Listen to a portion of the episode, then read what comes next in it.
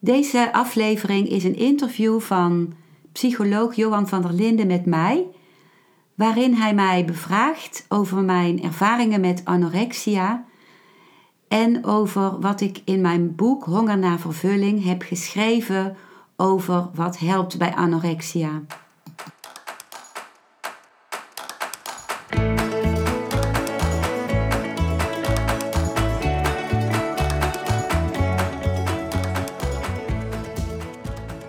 Welkom bij een nieuwe aflevering van Modita's podcast Van Pijn naar Zijn. De podcast waarin ik je meeneem voorbij de pijn in je leven naar wie je diep van binnen bent. Hoe kun je beter omgaan met je gevoelens? Hoe vind je rust in je hoofd? Wat zit er precies achter je pijn?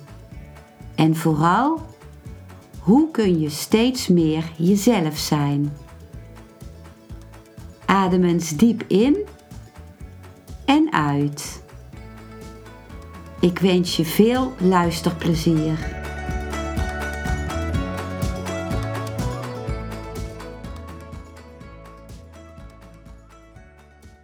Oké, ik ben uh, Johan van der Linden. Ik ben psycholoog, uh, familie, gezinstherapeut. Um, ik heb uh, eh, 40 jaar gewerkt als behandelcoördinator van het eetstoornisprogramma van het Universitair Psychiatrisch Centrum KU Leuven. Aanvankelijk in Kortenberg, maar vijf jaar terug zijn we verhuisd naar, naar Leuven op campus Gasthuisberg. Ehm, waar ik eigenlijk gestopt ben met werken eind oktober, begin, sinds begin november, heb ik bijna de pensioengerechtigde leeftijd bereikt. En nu werk ik alleen nog in mijn privépraktijk. Ik ben ook nog twee jaar verbonden met de faculteit psychologie van de KU Leuven. Um, contacteerde mij met de bedoeling om, om u te interviewen. We kennen elkaar eigenlijk niet of heel weinig, toch? Um, u heeft een boek geschreven over eetstoornissen en vooral ook over het herstellen en welke factoren hierin een belangrijke rol hebben gespeeld. Um, ik kan u misschien nog vertellen eigenlijk wat de aanleiding is geweest om de eetstoornis die vele tientallen jaren terug is blijkbaar gestart en nu ook wel uh, voorbij is, wat, wat de aanleiding is geweest van het schrijven van dit boek eigenlijk. Ja, Dankjewel uh, Johan dat je mij wil interviewen. En uh, ik heb ook met heel veel belangstelling jouw boeken gelezen als voorbereiding van mijn boek. Die ook in mijn literatuurlijst zijn vermeld. En wat heeft mij aangezet tot dit boek? Eigenlijk wilde ik al op heel veel momenten van mijn leven dit boek gaan schrijven. En uh, als ik eraan begon, voelde ik dat de tijd er nog niet uh, rijp voor was. En ik heb dus na mijn eetstoornissen meerdere depressies gehad. En toen ik dus uh, vijf jaar geleden definitief uit mijn depressies kwam, heb ik uit dankbaarheid daarvoor eerst mijn boek uh, Depressie, een opstap naar geluk geschreven.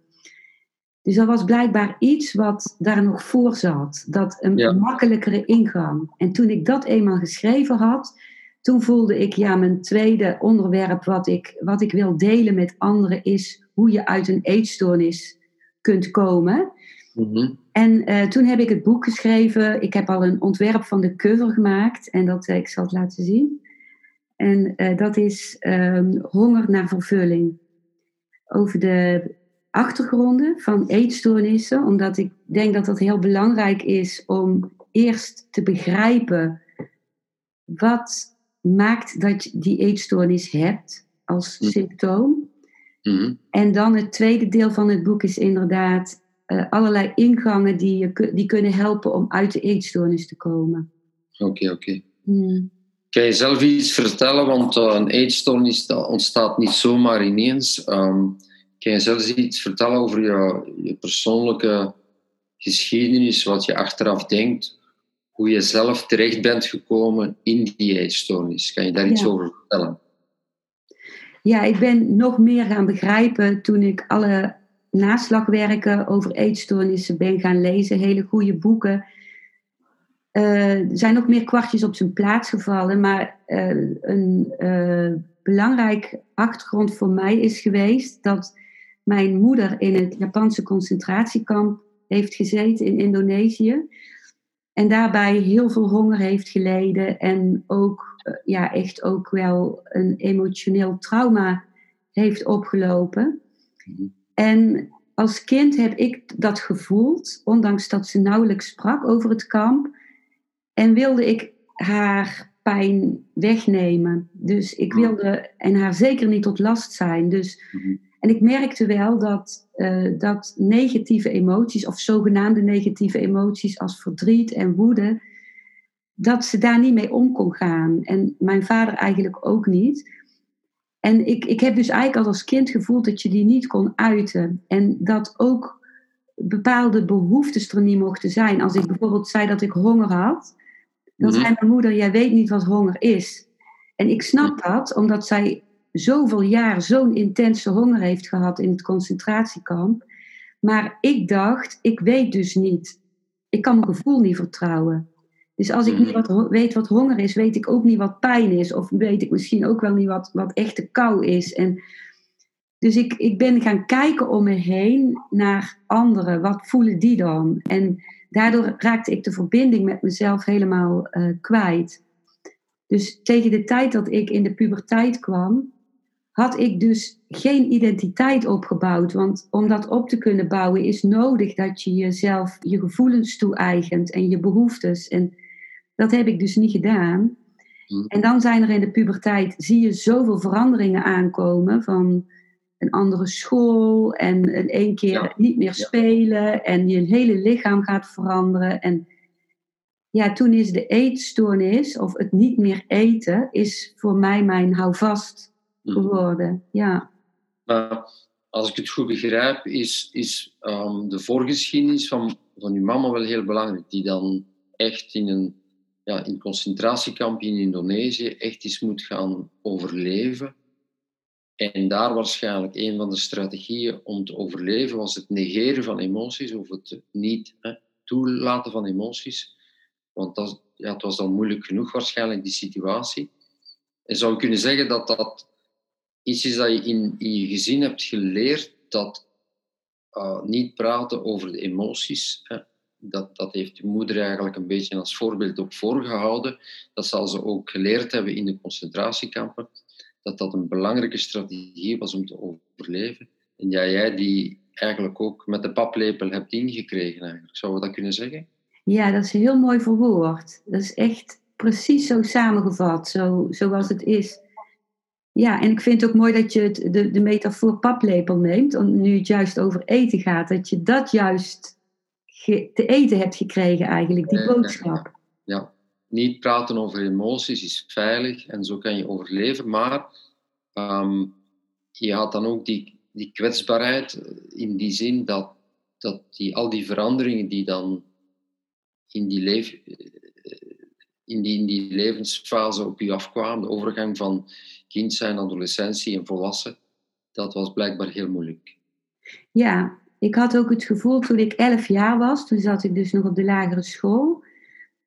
En dan, uh, dan lag ik s'avonds al in bed te huilen, omdat ik er al aan, dacht dat ik na een jaar naar de middelbare school zou moeten gaan en mijn moeder nog heel weinig zou zien. En, en ook omdat ik voelde dat na dat jaar, dus als ik twaalf zou worden, dat is ongeveer de leeftijd dat mijn moeder het concentratiekamp in is gegaan, 11, 12 jaar. Mhm dat zij dan niet meer zou weten hoe ze met mij om zou moeten gaan. Zij heeft zelf dus de puberteit overgeslagen, als het ware. Omdat zij van de elfde tot de veertiende in het kamp zat. Ja. En ik voelde dan, dan, dan sta ik dus zonder steun. En hm. ja. Het is merkwaardig hoe jij ook die problemen al in de wortel ging ontwikkelen op de leeftijd dan uw mama eigenlijk ook in concentratie kwam. Ja. Als ik kamp terecht kwam. Ja, ja ik denk dat, dat ik dat associeerde met, ja, dat was haar puberteit. En ik wou heel dicht bij mijn moeder zijn. En ja, en ik had ook, uh, ik weet niet, ik had heel veel angst voor alle puberteitskenmerken. Dus, en ik wist dus, mijn moeder vertelde weinig over het kamp, maar ik wist dus wel dat de mensen dan niet meer ongesteld werden. Mm ja. En, en dat leek me echt ook wel een fijne bijkomstigheid van weinig eten. Ja. het is alsof je ook door die anorexia dan op zo'n jonge leeftijd ook een spiegel hebt voorgehouden tegenover je mama. Want eigenlijk heb jij, ehm, ja, je mama zal ook wel door het, haar verblijf in het concentratiekamp erg vermagerd geweest zijn, of niet? Ik vermoed van wel. Ja. Veel, honger, veel hongergevoel is dus zo'n soort van spiegelbeeld eigenlijk dat, dat voor je mama ook wel moeilijk en confronterend moet geweest zijn. Ja. Hebben jullie daarover gepraat? Daar hebben we niet over gepraat. Ik, ik, ik kon wel voelen dat het voor haar heel moeilijk was. En tegelijkertijd blokte ik dat gevoel uit. Dat, dat heb ik gewoon eigenlijk tot een paar jaar geleden, of misschien wel ja, tot kort voordat ik dit boek ging schrijven, heb ik daar niet mee bezig willen zijn. Want ik, ik had zoveel moeite met me los te maken van mijn moeder, emotioneel, mhm. Mhm. dat ik er dat schuldgevoel niet nog bij wou hebben. Ja. ze, ze moet dat heel moeilijk hebben gevonden. En ze waren daar inderdaad broodmager. Haar, haar jongste zusje is in het kamp geboren. En die, die, had, uh, ja, die ging op een gegeven moment lopen. En die had een kussentje onder, uh, ja, waar er billen hadden moeten zitten, gebonden. Omdat ze anders niet kon zitten op die botuitsteeksels. Dus ja, ja, zo, ja. zo dun waren ze, ja. Ja. En wanneer u nu terugkijkt, want het is toch wel een heel lange en heftige geschiedenis geweest met dan herstel van de eetstoornis, depressies en dan pas na de depressies eigenlijk nog vijf jaar terug. Mhm. Wat zijn zo in uw herstelproces de belangrijke stappen geweest in uw herstel? Wat is echt helpend geweest? Uh, ik, ik heb altijd zelf veel geleerd van goed te luisteren naar de verhalen van cliënten in hun herstelproces. Wat heeft echt geholpen? Hmm, dat vind ik mooi dat je in die zin zo open staat en leert van je cliënten ook. Of, of dat meen Ja. je hebt mij... geleerd van de cliënten, hè? Ja. Niet, niet van de congressen en de boeken, maar vooral van goed te luisteren. Ja, wat mooi. Ja, dat vind ik ook in jouw boeken terug. Zo'n begrip en zo naast iemand staan in plaats van erboven gaan staan. Uh, ja, dank u. Ja, en dat is ook, ook eigenlijk is mooi dat we daarop komen, want dat is, uh, dat is het belangrijkste voor mij in het contact met een therapeut. Dat, dat je echt gezien wordt in wie je bent.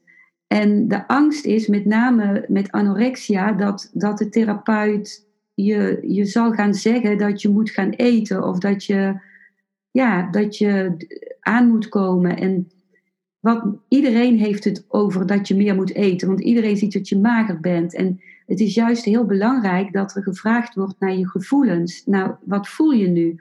Zonder dat je vermoedt dat de volgende vraag of de volgende opmerking zal zijn. En nu moet je eens meer gaan eten. Dus dat moet helemaal los gekoppeld zijn.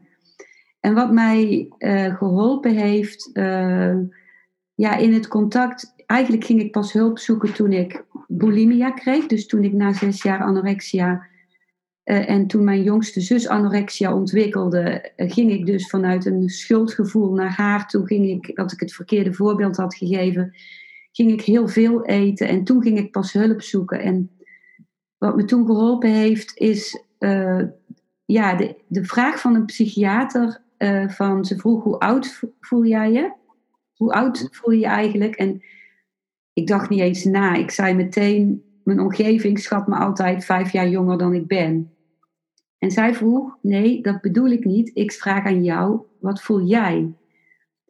En ik was helemaal blanco. Ik, zo ver was ik van mezelf verwijderd. Ik, ik, ik dacht nooit na over wat ik zelf van mezelf vond. Ik, vroeg het, ik keek altijd om me heen wat anderen zeiden of vonden. En toen was ik dus eerst blanco en toen was het beeld dat ineens dat ik allemaal puzzelstukjes zag komen van bovenaf, die via mijn hoofd naar binnen daalden. Puzzelstukjes van mij, die ik weg had gegeven aan anderen in mijn leven, die uitbesteed. Van anderen wisten beter hoe, het, hoe ik me voelde. Hè? Mijn moeder wist wat honger was, mijn vader wist weer andere dingen en leraren wisten weer andere dingen. En nu kwamen die stukjes naar mij toe en toen voelde ik zo'n ontroering en geraaktheid. En ik voelde voor het eerst dat ik een kern moest hebben. Iets wat voor mij was, echt. Mhm. Dus toen heb ik ook, ben ik huilend naar huis gefietst van uh, geraaktheid en ook van verdriet. Dat ik dus, uh, ja, toen was ik dus inmiddels 22, dat ik 22 jaar lang die stukjes kwijt was geweest. Mhm. En daarna had ik niks meer aan die gesprekken, want het was allemaal rationeel en uh, cognitief. Mhm. En toen ik dus de depressies kreeg, nee, ik ben toen ook, ja, toen ik de depressies kreeg, ben ik pas, ja, e-, hulp gaan vinden die me echt hielp. En dat was met name het contact maken met mijn lichaam. Dus bijvoorbeeld een oefening als de bodyscan, waarbij je van binnen gaat voelen, hè, wat voel je in je voeten, wat voel je in je handen. En de eerste bodyscan, ik, ik was toen opgenomen, had ik mezelf aangemeld bij een uh, psychiatrische afdeling van een ziekenhuis. Mhm. Daar ben ik drie maanden geweest en de eerste bodyscan was heel confronterend, want ik maakte contact met mijn voeten en ik voelde de voeten van mijn moeder. En mijn romp was min of meer van mezelf. En mijn hoofd was weer het hoofd van mijn moeder. Ja. Dus ik was wanhopig. Ik dacht, ik ben zelf niet eens iemand. Ik ben een schaduw van mijn moeder. Ja. En toen heeft emotioneel lichaamswerk mij ook heel veel geholpen met kunnen ontladen van gevoelens. En dat kon maar heel mondjesmaat, want ik was tegelijkertijd heel bang voor gevoelens. Dus ja. Eh, maar als ik een, een emotie echt voelde, verdriet of woede, dan voelde ik mezelf. Wat je, wat je vertelt is zo, zo herkenbaar bij zoveel uh, cliënten met eetstoornisproblematiek. Uh, enerzijds het feit dat zij altijd um, gericht zijn op het bevredigen of beantwoorden aan verwachtingen van anderen. Wat we noemen pleasing others, hè, dat is zo komt zo heel veel voor bij mensen met eetstoornissen, waardoor ze voortdurend bezig zijn, niet met wie ben ik, wat wil ik, maar wat willen anderen van mij, wat wordt er van mij verwacht, waardoor het eigen identiteitsgevoel vaak heel beperkt of niet, niet aanwezig is, zoals, zoals bij u. Je, je was helemaal blijkbaar ook met je moeder geïdentificeerd. Hè? Ja. En dan, eh, wat je vertelt over het lichaamswerk is zo belangrijk en cruciaal in therapie. En is ook voor de meeste therapeuten, psychologen toch, um, daar ben ik vooral de laatste tien jaar achter gekomen, een enorme uitdaging, omdat wij in therapie vooral taal gebruiken en met patiënten praten en vragen, voel je je hopelijk toch? Dan wordt die vraag ook gesteld. Maar veel van de problemen waar je ook uh, als cliënt mee geconfronteerd wordt, kunnen niet via woorden geuit worden. Ja. Die zijn ja, niet in taal weer te geven, maar die zitten in het lichaam vast uh, door bepaalde lichamelijke symptomen, klachten, pijnen. Um, en dan is lichaamswerk, denk ik, een heel belangrijk aspect in, in het herstellen, zoals jij ook hebt ervaren, zoals de bodyscan, die uiteraard uh, voor de meesten aanvankelijk, ik denk voor iedereen, heel confronterend en, moeilijk is. Maar het is toch iets dat uh, blijkbaar ook je vooruit heeft geholpen en tot bepaalde inzichten gebracht. Mm, ja. En, uh, nu, wat, wat in aanvangsfase, daar wil ik nog eventjes bij stilstaan, vaak cruciaal is, patiënten met anorexia die, die, die langskomen, hebben niet altijd, maar vaak wel een erg laag gewicht. Mm Zijn de laatste weken, maanden zeer sterk vermagerd, waardoor um, het praten, logisch denken, logisch praten eigenlijk ook wel uh, beperkt wordt door het feit van, ja, door de gevolgen van de ondervoeding. Hè. De processor hierboven werkt niet zo goed meer. Dus is het eten toch uh, is vaak voldoende van enkele kilo aan te komen, terug beginnen te eten. Dat je voelt, nu kan ik terug connecteren. Ook, ook als therapeut voel je van, ik kan terug contact krijgen. Mm. Persoon voor mij. Dus wordt er wel vaak gefocust in aanvangsfase op de therapie op terug meer leren eten. Ja. Hoe, hoe zie jij dat zelf en, en wat, wat denk je, is daar, wat is uw advies aan, aan de therapeut om, om dat toch te, te faciliteren, dat dat makkelijker zal verlopen. Ja, Nou, ik ben het daarmee eens. En dat zeg ik ook uit eigen ervaring. Want uh, die, die psychiater die ik dus, waar ik mee begon, die gaf dus aan, dus ik was dus na mijn anorexia uh, al veel beginnen te eten. Hè, dus ik was al enkele kilo's aangekomen. Maar ze gaf mij aan dat ik nog vijf kilo meer moest aankomen om, om uh, therapie met mij te kunnen doen. Omdat dan pas mijn emoties terug zouden komen. En, en dan alleen, zoals je net al zei, kun je gaan, gaan voelen en kan, kan er een proces op gang komen. Mhm. En ja, iets in mij schrok daarvan, hè, want ik vond mezelf al zo dik eh, met wat ik aan was gekomen. Maar het, het, het, uh, ik vond het heel redelijk klinken. En dat was voor het eerst dat ik voelde dat het eten zin kreeg voor mij. Dus mm. dat ik had iets, eh, ondanks dat het afschuwelijk was om aan te komen, voor mij um, voelde ik dat ik ergens aan aan het werken was. Want ik wilde eruit komen. En, um, en ik heb dus ook echt gemerkt dat het zo was. Dat met die paar extra kilo's die er aankwamen, kwamen mijn gevoelens terug. Begon er weer iets te stromen in mijn lichaam. En ik kon weer uh, blij zijn of verdrietig. Of um, ja, niet dat dat makkelijk was, want al die emoties die ik juist had proberen eronder te krijgen, die kwamen nu juist omhoog. Ja. Dus wat ik aan een therapeut zou zeggen, uh, in mijn geval was het zo dat ik pas terug mocht komen als die vijf kilo's eraan zaten. En dat is juist een heel moeilijk traject, omdat je ook geconfronteerd wordt met je lichaam dat overal in jouw beleving uit begint te stulpen. Dus het is, het is nodig dat iemand ook begeleid wordt in die periode van dat aankomen tot, tot aan die kilo's. Absoluut. Ja. Ja, ja in, in Nederlandse behandelcentra is het vaak noodzakelijk dat je minimumgewicht hebt, BMI 12 of 13, vooraleer je in behandeling mag starten. Maar bij ons in Leuven laten wij patiënten al toe met BMI, indien het medisch verantwoord is, vanaf 19. Dus wij zelfs zeer lage gewichten, omdat, het, omdat zij ook op dat moment absoluut maximale begeleiding en steun ja. uh, nodig hebben om, om die eerste moeilijke, uh, eerste moeilijke stappen te zetten. Ja, oh, daar ben ik heel blij om. Daar kunnen wij echt dan in Nederland van Leuven leren. Ik weet dat er bepaalde uh, centra zijn waarbij al eerder gestart wordt, maar dat is inderdaad bijna nooit zo. En dat vind ik heel jammer. En dan wil ik er meteen aan toevoegen dat ik het ook heel erg vind dat er soms een, een uh, bepaald gewicht gehanteerd wordt waar je onder moet zitten om voor behandeling voor anorexia in aanmerking te komen. Dat is dus ook bij mijn jongste zus gebeurd. Ja, ja, ja. Dat is vreselijk. Ja. ja. Dat is het omgekeerde van het verhaal. Hè. Ja, dat is ook. Uh, uh, mensen kunnen een normaal gewicht hebben maar toch verschrikkelijk vastzitten in die obsessies rond hun lichaam en eten en gewicht en een heel grote leidersdruk hebben. En, en ook in die situatie kan, kan opname of intensieve behandeling eh, zeer nuttig zijn. Ja, ja, dat klopt. Ja, en anders, en iemand met anorexia die wil gewoon al, ja, je wil gewoon, uh, om, om, jouw identiteit is eigenlijk dat je goed kunt afvallen. Dus je wilt daar al heel goed in zijn, want daar is je hele identiteit op gebaseerd.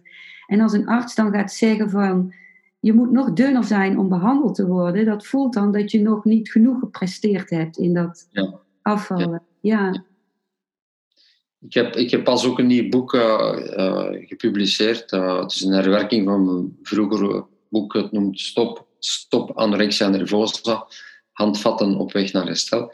Waar, waar ik ook, uh, en dat is toch nieuw, uh, dat stond niet in de vorige edities, uh, anorexia-probleem omschrijven als ook een existentieel probleem. Een probleem van op zoek gaan naar wie ben ik, wat wil ik, waar wil ik naartoe. En dat is iets, een aspect dat in de behandeling um, tot op heden toch niet zoveel aandacht heeft gekregen. Meer en meer, maar toch. Er is vaak een enorme focus op dat eten en gewicht en bijkomen en dan op z'n keer vooruit. Uh, maar uiteindelijk, als het eten en gewicht dan wat beter gaat, dan, dan kom je echt in therapie waar heel veel existentiële vragen naar boven komen. En dat hoor ik een beetje ook uh, toch in uw verhaal. Hè? Ja, dat, ik ben heel blij dat je dit uh, aankaart en, en ook beschreven hebt in jouw boek.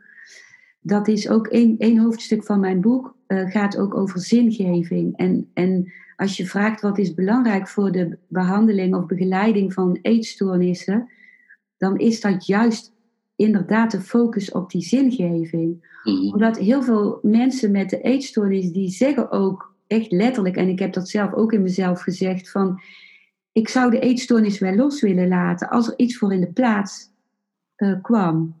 Maar de toekomst ziet er leeg uit. Hè? Je geen identiteit, je, je, hebt geen contact met jezelf, je weet niet waar naartoe. Maar je hebt zoveel behoefte aan, een, uh, aan zingeving, aan iets wat je leven voldoening geeft, een vervulling geeft. Vandaar de titel van mijn boek Honger naar vervulling. In feite is het inderdaad de honger naar de vervulling. En, en dat miste ik ook wel, dat mensen het daar met mij over hadden. Het, het was de focus inderdaad op het eten, maar niemand vroeg van, goh, wat vind jij nou eigenlijk belangrijk in je leven? Of wat mis je? Of waar, waar wil je naartoe? Of wat zou je, wat zou je graag willen? En ik weet nog dat ik een keer een artikel las tijdens mijn anorexia in de krant, een klein artikeltje. En dat, mhm. dat ging over drie mensen uit Afrika die in hongerstaking waren gegaan. En dat artikel confronteerde mij heel erg, want ik voelde die mensen eten ook niet, maar die doen dat ergens voor. Daar zit een, een, een hele diepe zingeving achter. En toen voelde ik dat ik het nergens voor deed, dat, dat het bij mij hol was wat erachter zat. Mhm. Ja. En wat, wat heeft je uiteindelijk dan toch die zin, zin gegeven eigenlijk? Of hoe ben je erachter gekomen? Ik moet echt mij die vraag gaan stellen. Uh, hoe ik uh, zin kan geven aan mijn leven, wat is belangrijk en, en, en welke stapje heb, heb je dan gezet om je leven dan uh, zin te geven? Ja, ja, dat is een goede vraag. In feite heb ik me die, die vraag altijd gesteld. Ook tijdens de eetstoornis, al is het zo wat jij zegt, dat als je heel weinig gaat gewegen, of wanneer je je verdooft met eten bij bulimia, dan, dan uh, sta je daar minder mee in contact. Maar ik ben al op mijn elfde jaar bezig geweest met die zingeving, omdat mijn moeder dus zei dat iedereen een roeping krijgt in zijn leven. Oh, ja. Bij haar was dat dus onderwijzeres en, en ik, ik was heel bang dat ik die roeping niet zou krijgen. Dus als ik naar school liep, naar de lagere school, dan, dan keek ik altijd omhoog naar de lucht en dan hoopte ik dat ik die roeping van daaruit zou horen. Mhm. En ik ben eigenlijk mijn hele leven uh, blijven zoeken uh, tot vijf jaar geleden. Wat hoort nou bij mij? Ik ben arts geworden en ik voelde dat dat, dat hoort niet bij mij. Dat past niet bij mij. Dat, dat, dat is voor mij te veel symptoombestrijding, terwijl artsen er ook moeten zijn. En uh, ik heb talrijke uh, opleidingen gedaan, gestaltherapie, lichaamswerk, uh, namenstudie, heel veel workshops die met bezieling te maken hadden, therapieën, alsmaar op zoek naar wat wat is nu echt van mij? Hoe kan ik mijn leven zin geven? Hele stapels dagboeken staan ervan vol. Elke keer dezelfde grammofoonplaat. Ik weet het niet. En anderen leven, andere hun leven heeft, heeft zin. En het mijne niet. En wat heeft uiteindelijk geholpen? Dat is de, de familieopstellingen. Ja, ja, ja, ja. Ja, en dat in de familieopstellingen... Dat, ehm, ja, ik schrijf daar meer over op mijn website genietenvanmeditatie.nl. Maar in de familieopstellingen zag ik dus dat ik de verkeerde rol had ten opzichte van mijn ouders. Dat ik emotioneel voor hen wilde zorgen. En daardoor niet het kind was wat kon ontvangen. En dat is de leegte van de anorexia, de leegte van de bulimia, de leegte van de depressie. Dus ik moest opnieuw leren om in de goede positie te komen. Om gewoon alleen maar kind te zijn zou kunnen zeggen dat je echt in een, in een, een ouderrol bijna zat. Hè? Wat we noemen ja. parentificatie. Dat jij ging zorgen voor papa, zeker voor mama. Die, ja. die, ja, iets verschrikkelijks had meegemaakt als kind. En waardoor jij je heel erg hebt uh, weggecijferd. En pas heel laat, of veel later dan, je eigen weg zet gaan zoeken in je leven. Dan, ja. En toen heb ik dus ook gezien dat dat, dat erge lot, waar heel veel kinderen hun ouders voor willen beschermen, dat het lot iemand juist kracht geeft, kracht en waardigheid. Dus dat mijn moeder in feite heel veel kracht had.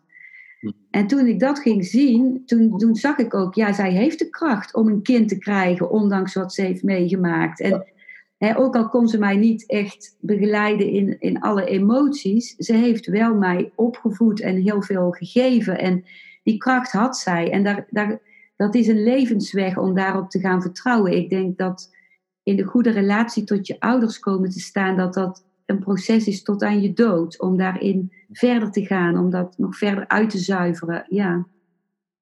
Moest je de, de klok kunnen terugdraaien? Dat kan helaas niet. Want het heeft ook heel lang geduurd. Hè? Uh, het is toch een lange geschiedenis, maar toch met een happy end. Dat je ook ziet dat je lange tijd geconfronteerd wordt met depressie, eetstoornis en er toch kan uitgeraken. Maar moest je die klok kunnen terugdraaien, wat denk je, wat zou kunnen helpend geweest zijn? Ja, want ik denk persoonlijk, persoonlijk denk ik dat men rond de leeftijd van 16, 17 jaar misschien een gezinstherapie gestart en gewerkt met papa, mama en, en, en jij en je zus. Ja. Dan zou dat niet een verschil kunnen gemaakt hebben. Precies dat. Toen jij me die vraag begon te stellen, was dat dus het eerste wat in mij opkwam. Dan, had, dan was gezinstherapie heel belangrijk geweest. Mijn moeder las er heel veel over, over anorexia. Ze gaf mij ook het boek van Hilde Broek, een, als een mus in een gouden kooi. Ja. Maar uh, gezinstherapie is heel wezenlijk. Dat, dat, dat zou echt het verschil hebben gemaakt.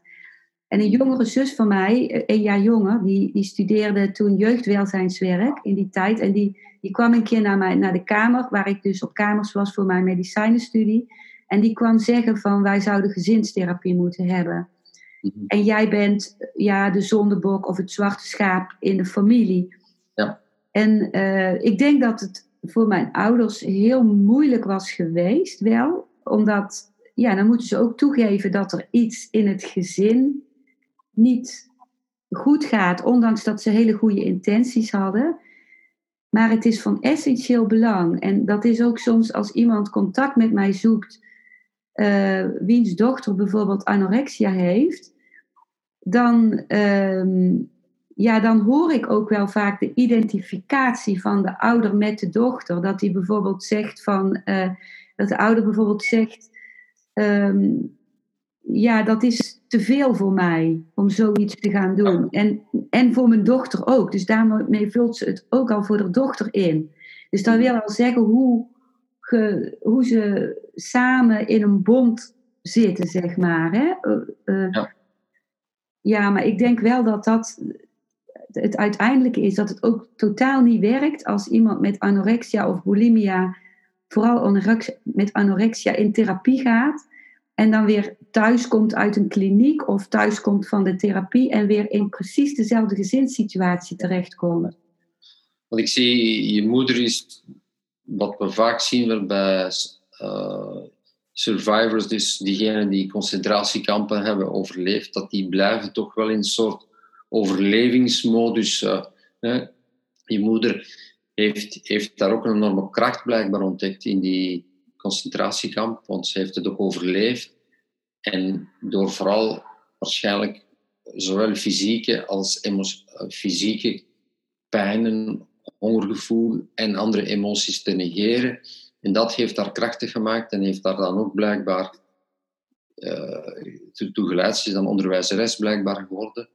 Maar hij heeft toch wel een enorme impact gehad op, op iedereen in de familie, vermoed ik. En ik denk, ja, in de familietherapie zou dat ook naar boven moeten komen zijn. Gekomen zijn. Dan zou dat ook wel heel moeilijk en confronterend geweest zijn voor die mama. Want dan zou ze toch ook meer emoties in verband met die heel traumatische fase in haar leven ook moeten van die confrontatie aangegaan zijn. En misschien ja.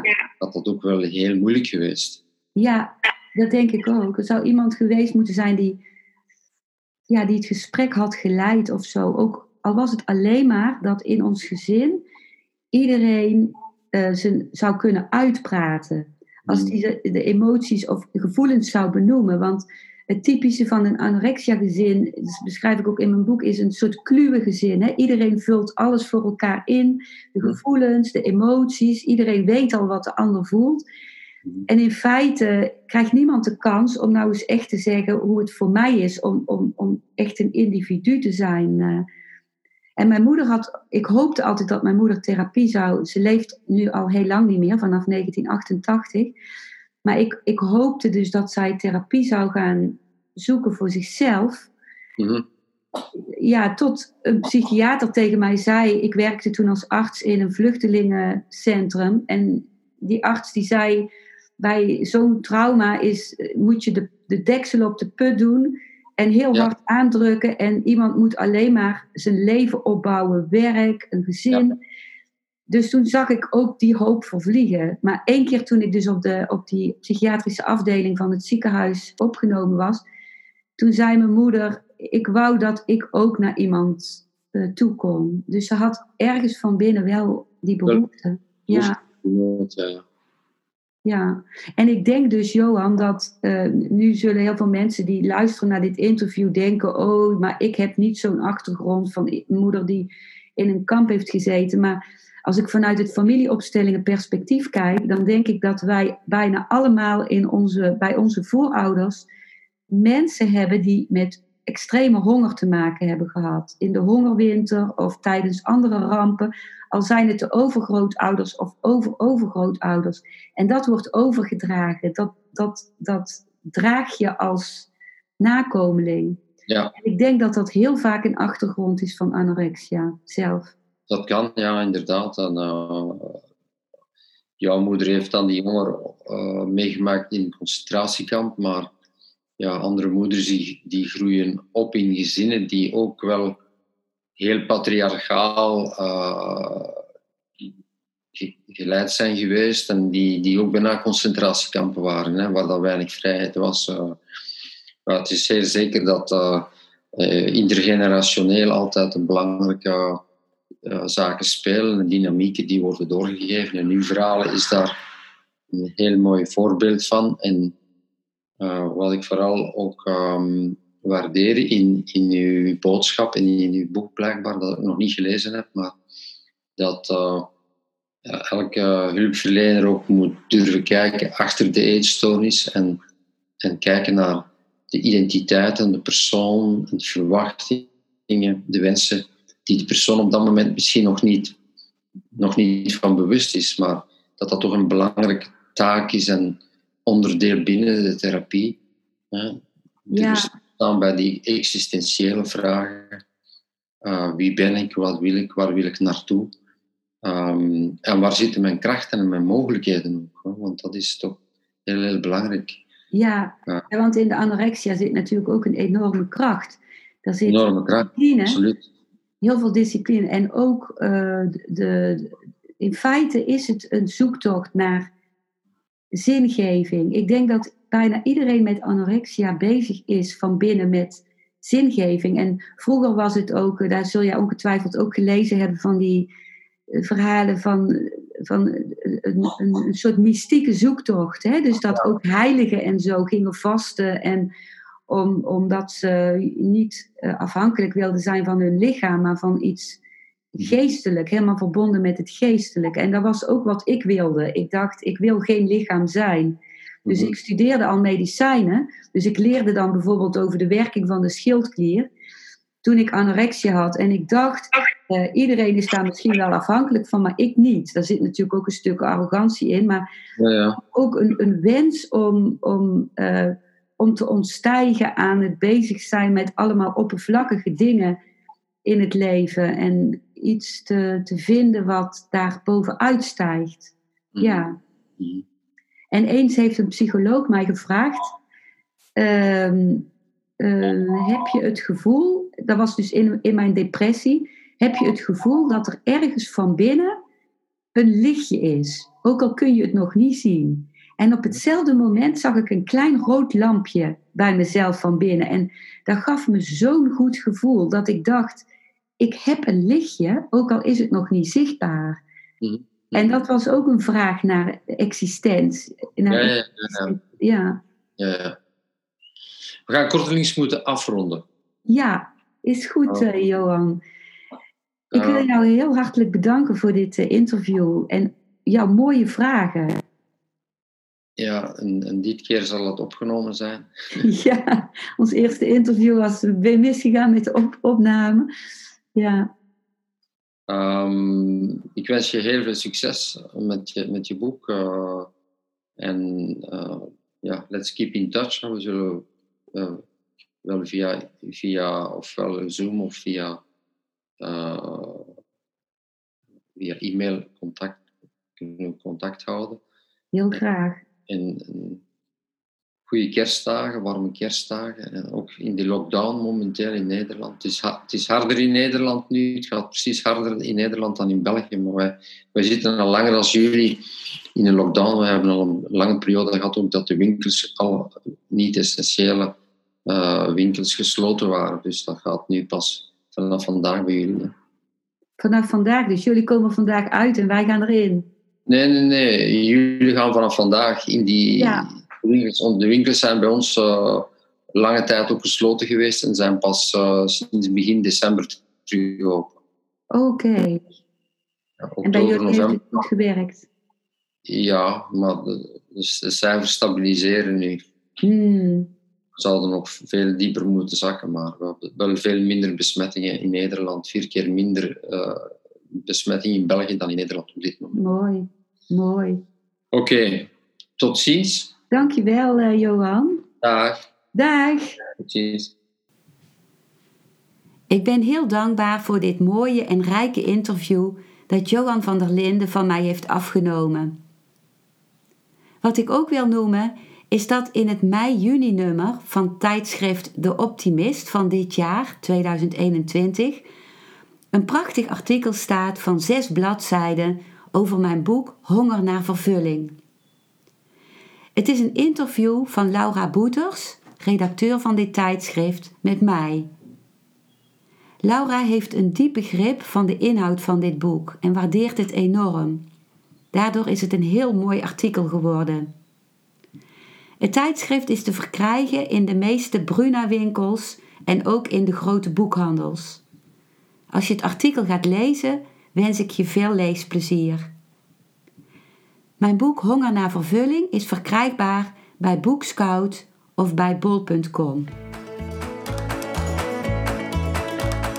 Dankjewel voor het luisteren naar deze aflevering. Ik hoop dat hij je een nieuw inzicht of perspectief heeft gegeven. Ik hou van interactie, dus als je iets wilt delen, stuur me dan een mailtje op info@genietenvanmeditatie.nl. Ik geef je dan altijd antwoord. Ik wens jou dat je vreugde in het dagelijks leven zult ervaren en innerlijke rust. En dat je steeds meer je pijn zult kunnen omvormen in zijn. Je kunt de afleveringen van deze podcast volgen via Spotify, Google Podcast, Apple Podcast en Podbean door op de volg- of abonneerknop te klikken. Als je luistert via de Apple Podcast, dat kan alleen als je een iPhone hebt, heb je een extra voordeel omdat als je op de knop abonneren klikt, je steeds een berichtje op je mobiele telefoon ontvangt als er weer een volgende aflevering van mijn podcast verschijnt. Je bent van harte welkom bij die volgende aflevering.